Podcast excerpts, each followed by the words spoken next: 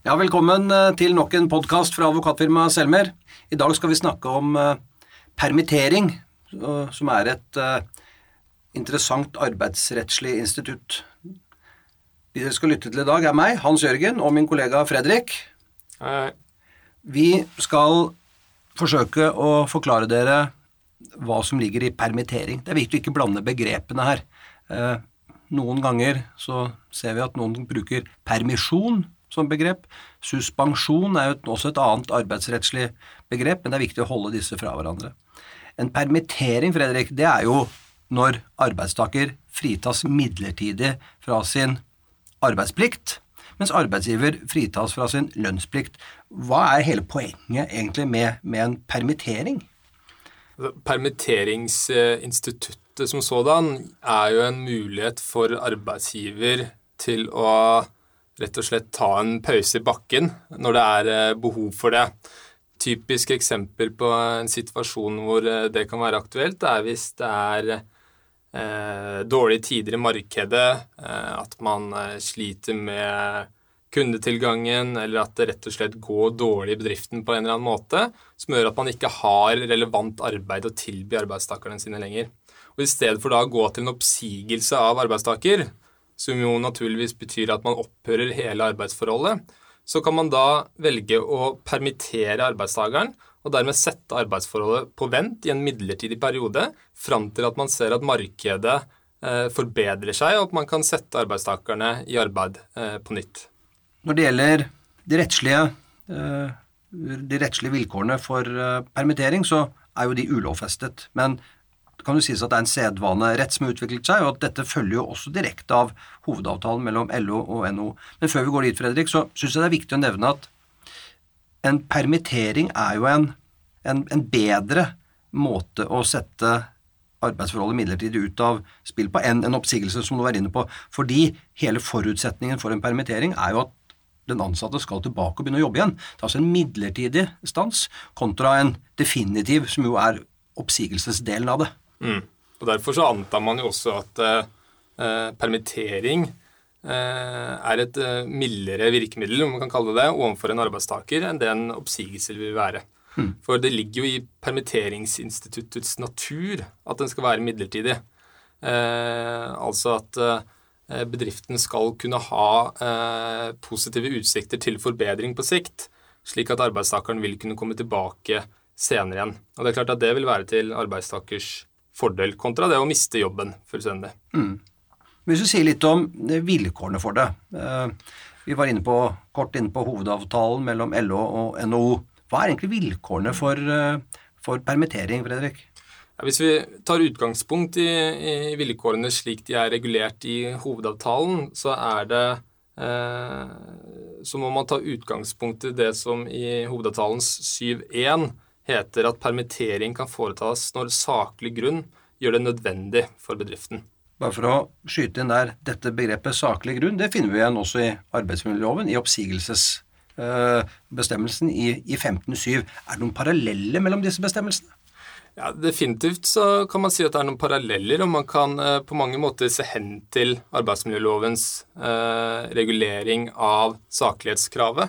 Og Det grunnleggende man må huske på i den forbindelse, er at det ikke kan tas utenforliggende hensyn når man skal vurdere hvorvidt det er nødvendig å eh, foreta permittering. Og så er Det vel også slik at uh, det er jo ikke noen klare saksbehandlingsregler for dette i loven. Vi har vært inne på at Det er ikke lovregulert. Men etter arbeidsmiljølovens regler i forbindelse med oppsigelse, så er det jo drøftingsplikt med tillitsvalgte. Uh, du skal ha varsel, det er et formelt oppsigelsesbrev og osv. Uh, hvordan forholder det seg i forhold til permitteringen? Også når det kommer til permittering, så er det et uh, grunnleggende vilkår at uh, det skal drøftes med arbeidstakerne på forhånd, og aller helst med tillitsvalgte dersom man, man har det. Er man uh, omfattet av hovedavtalen, så er det et nødvendig vilkår for å kunne gjennomføre permittering. Når det gjelder selve utvelgelsen av hvilke ansatte som skal permitteres vi ofte er jo situasjonen slik at du får en reduksjon i ordretilgang, eller at det er, det er mindre å gjøre i virksomheten, og da trenger du å permittere f.eks. en tredjedel eller, eller, halvparten av virksomheten. eller halvparten av de ansatte. Og etter arbeidsmiljølovens regler og en, en utvelgelse når du skal gjøre en nedbemanning, så er jo det ganske skarpe kriterier. Da er det jo ansiennitet, det er øh, faglige kvalifikasjoner, så det er sosiale forhold. Når det gjelder akkurat dette med eh, utvelgelsen i forbindelse med permittering, så ser jo det litt annerledes ut. Fordi eh, da skal du jo ha en virksomhet som løper videre, og tanken er at du skal ta de ansatte inn igjen.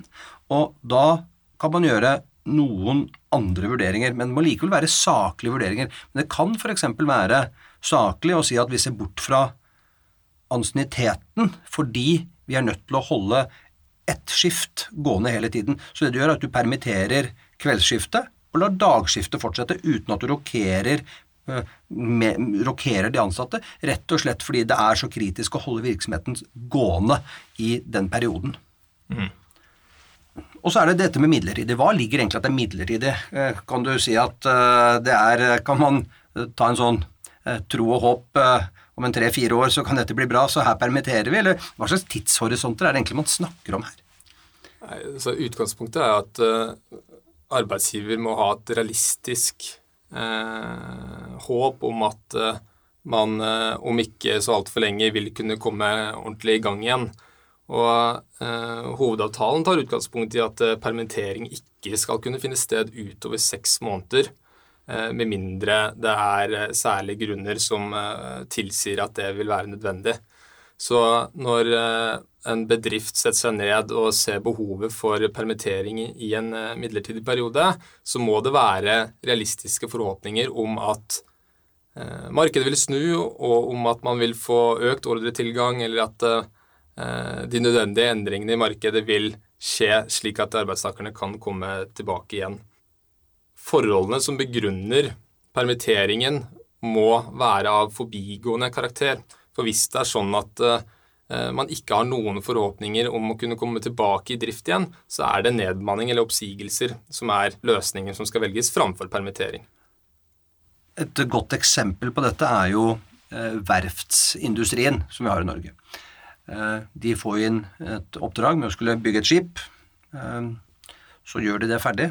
Så er det da, har de en ordre på et nytt skip, men den kommer ikke før om tre måneder. Da har du altså en tre måneders periode hvor de ansatte ikke har noe å gjøre. Og da kan du permittere de ansatte, fordi du vet at om tre måneder så får du jobb igjen. Det er jo et sånt enkelt og greit eksempel eh, som viser instituttets eh, betydning og, og, når det kan anvendes. Eh, vi ser at det blir brukt av en del arbeidsgivere i litt andre settinger. Eh, hvor du har litt mer generelle nedganger i markedet, hvor du ønsker å permittere én eller to eller tre eh, medarbeidere. Eh, der syns jeg det er grunn til å gjøre en grundigere vurdering og se på er dette realiteten en permittering, eller er det en skjult oppsigelse. Mm. Fordi det er jo sånn at når du gir en oppsigelse, så har jo den ansatte eh, rettigheter. Du kan bestride oppsigelsen, du kan kreve å stå i stilling inntil saken er avgjort. Så har det prosessuelle rettigheter. Og du vil uansett ha lønn i oppsigelsestiden.